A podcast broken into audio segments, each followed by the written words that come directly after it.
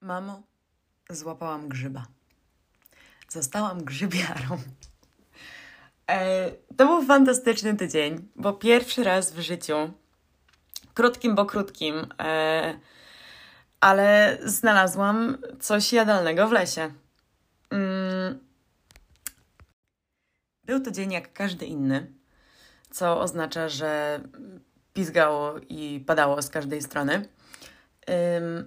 No ale poszłam na spacer. Trochę się do tego spaceru zmusiłam i poszłam na, do takiego lasu, który jest trochę dalej od szkoły, który nie jest naszą szkolną własnością. Yy, no i trochę się w tym lesie zgubiłam, bo miałam porobić jakieś ładne zdjęcia. Yy, no to zaszłam w ten las dosyć głęboko. Yy, no i ja patrzę, a tam polana pełna grzybów. A ja się nie znam na grzybach, więc zrobiłam sobie taki kapturek yy, jak nie pingwin, tylko kangur. I złapałam kilka tych okazów i potruchtałam z powrotem do szkoły. Poszłam do kuchni. Nasi szefowie kuchni zaaprobowali te zbiory. Powiedzieli: Ola, jedz, dosyta. No i potruchtałam z powrotem do tego lasu. W międzyczasie znowu się zgubiłam i zaczęło znowu padać i trochę się ściemniać. Więc ja już myślę, kurwa, w dupie. Um, no, moje wizje były już takie, że jednak zostanę um, z, z fanki podcastów True Crime przejdę na bohaterkę jednego z tematów. E, no, ale w końcu znalazłam te grzyby i były fantastyczne. I zrobiłam z nich pierogi wegańskie, takie ruskie z grzybami. Więc był to tydzień z kategorii dobrych. A i żeby mi nikt nie pierdolił głupot, yy, to pierogi ruskie to nie oznacza tego samego co z Rosji, tylko z Rusi. Więc to są nasze polsko-ukraińskie. Yy, proszę się mnie nie czepiać. A poza tym to czy ja zawsze tak głośno przełykam ślinę, czy to tylko tutaj tak słychać? Jezu!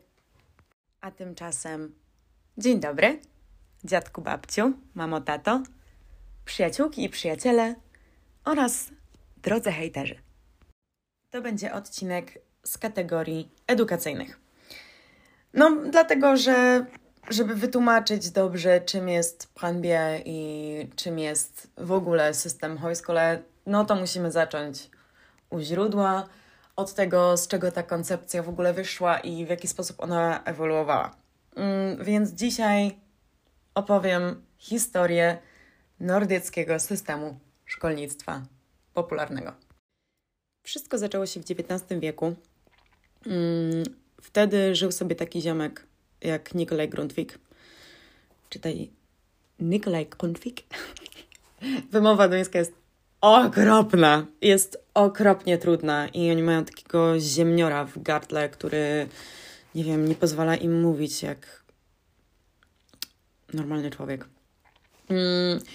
No w każdym razie ten ziomek był yy, no, w ogóle ważną postacią dla historii Danii. On był y, pastorem i tam odradzał protestantyzm w Danii, który jest do teraz yy, religią narodową. W ogóle Dania jest konstytucyjnie Y, religijna i oni normalnie płacą podatki. Można się z tego wypisać, ale, y, ale Dania i w ogóle wszystkie kraje nordyckie są, y, nie są krajami świeckimi. O.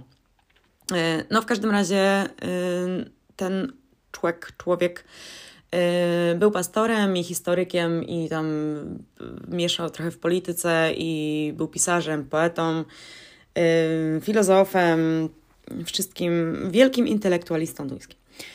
Y, no i on miał taką koncepcję, mm, on był romantykiem, y, więc on miał taką koncepcję, żeby odbudować tożsamość y, narodową jakby Danii, no i też bardzo chciał wyrównywać szanse i tam, no wiecie, takie rzeczy. Jest połowa XIX wieku. Nie pamiętam dokładnej, dokładnego roku, ale to chyba był 44. I wtedy właśnie powstaje założony przez tego ziomka Uniwersytet Ludowy, pierwszy, czyli dokładnie Hojskole. No i główną misją tej szkoły jest y, ułatwienie dostępu do edukacji takiej ogólnej dla, mm, dla ludności mieszkającej na prowincji. Czyli po prostu dla chłopów. No a to prowincja to tam w Danii jest wszędzie, oprócz Kopenhagi. No i oni uczyli się tam takich podstawowych rzeczy, czyli czytać i pisać, uczyli się angielskiego, uczyli się też swojego rzemiosła, no bo to była ludność chłopska.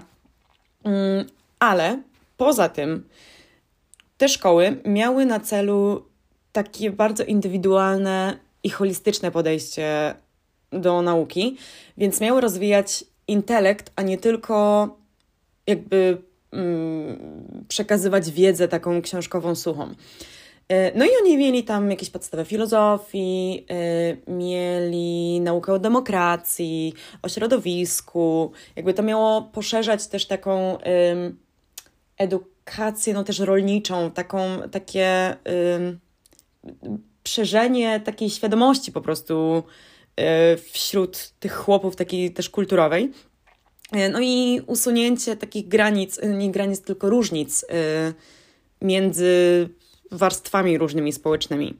Jedną z podstawowych zasad Hojskole, yy, która w ogóle utrzymała się do teraz i jest naprawdę jedną z najważniejszych, yy, jednym z najważniejszych zapisów yy, w, jakby w prawie Hojskole, bo teraz zostało to już uregulowane w y, systemie oficjalnym edukacji duńskiej, no ale wtedy były to zupełnie autonomiczne placówki. Y, było to, żeby każdy mógł do, takiej szkoły pójść, niezależnie od wieku, od tam sytuacji ekonomicznej, yy, od poziomu wykształcenia, od umiejętności. Co też oznaczało, że ci ludzie się ze sobą bardzo mieszali i oni musieli się jakby też uczyć od siebie, co mm, dawało też taką, taką autonomię we własnym rozwoju, Wiecie o co mi chodzi? Czy ja się w ogóle wypowiadam logicznie? Aha, no i co ważne, to są szkoły z internatem. Nie wiem, czy, nie wiem, czy wszystkie od początku tak był, były z internatem. Teraz wydaje mi się, że są jakieś takie pojedyncze hojskole, yy, które są dzienne, ale w większości, w znacznej większości jest to szkoła z internatem. To jest też no, rzecz, która bardzo wpływa na, yy, na ten pobyt tutaj, no bo wtedy z innymi uczniami, z innymi y, też nauczycielami i tak dalej, jesteś, jakby bardziej się wiążesz z tym miejscem i bardziej się możesz skupić na tej, na tej edukacji i na tym własnym rozwoju. No i też co ciekawe, te szkoły od początku były bardzo elastyczne względem siebie. Miały wspólne założenie, to znaczy właśnie taką popularyzację y, edukacji i rozwoju i tego wszystkiego, o czym, o czym już mówiłam, ale to jest taki parasol, w którym te szkoły się mieszczą, ale każda na przykład ma swoje gdzieś tam takie uprofilowanie mm, w zależności od i lokalizacji i od gdzieś tam y, ludzi, którzy tworzą te szkoły po prostu. Y, no, te szkoły różnią się od siebie takim profilowaniem, jakby. Na przykładzie mojej szkoły. Planbie jest zlokalizowane dosłownie w lesie dosłownie w lesie. My mamy swój y, szkolny las, ale generalnie najbliższe miasteczko jest 6 km stąd. Autobusów to tam chyba nie ma. Y, a takie większe miast, miasto, no miasteczko nadal, y, to jest Wajle i ono jest położone tam z 12 km i są trzy autobusy dziennie. Y, ale na przykład to tworzy też y, taką przestrzeń do zlokalizowanie nie tylko samej szkoły jako budynku, ale edukacji w, tym, w tej szkole wokół natury. Mamy bardzo dużo przedmiotów i takich mm, motywów w szkole, które są związane z y, naturą. Na przykład y, dyrektor naszej szkoły y, jest zapalonym myśliwym i on w określonych tam miesiącach w roku organizuje lekcje, można się na nie zapisać, organizuje lekcje strzelania do zwierząt. Co, no, czy, czy mi zadał ktoś to pytanie? Nie, ale czy na nie odpowiem? Tak. No, głupie to jest, bo jest kurwa 2022 rok. W ogóle kto poluje na zwierzęta? O co chodzi? Jakby, uff, nieważne. No ale mamy na przykład też y, przedmiot y, ogrodnictwo. mamy przedmiot ochrona środowiska. I to jest nie siedzenie i uczenie się o ochronie środowiska, bo to wszyscy znamy Gretę, e, ale oni tam jakby uczą się, jeżdżą gdzieś, no takie bardzo to aktywne, aktywny przedmiot z tego co wiem. Ja nigdy go nie miałam, bo on się pojawił po tym, jak ja już skończyłam tu być studentką. E, mamy na przykład, jako że jest jesień i mamy dużo lasów, no to mamy zbieranie grzybów. I jest ziomek, który uczy o grzybach. I jeżdżą w po okolicznych lasach. On też uczy o tam, jakie jest prawo, kiedy najlepiej, pod jakimi drzewami i tak dalej. No i oni zbierają grzyby. No i potem po prostu w szkole jemy te grzyby, tak naprawdę.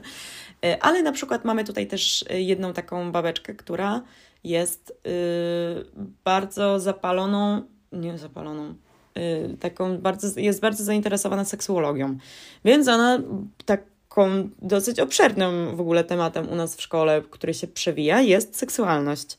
I taki rozwój siebie, i, i na ten temat, i dzielenie się też swoimi. Ona na przykład bardzo dużo z tego, ze swojej edukacji, jakby y,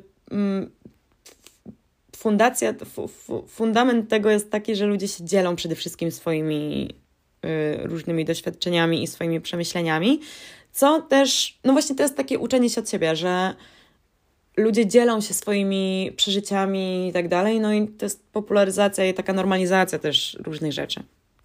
Myślę, że jedną z najfajniejszych rzeczy w High School jest to, że to jest taka to jest takie miejsce, o którym każdy by marzył. To jest taka mm, to jest takie marzenie każdego nastolatka.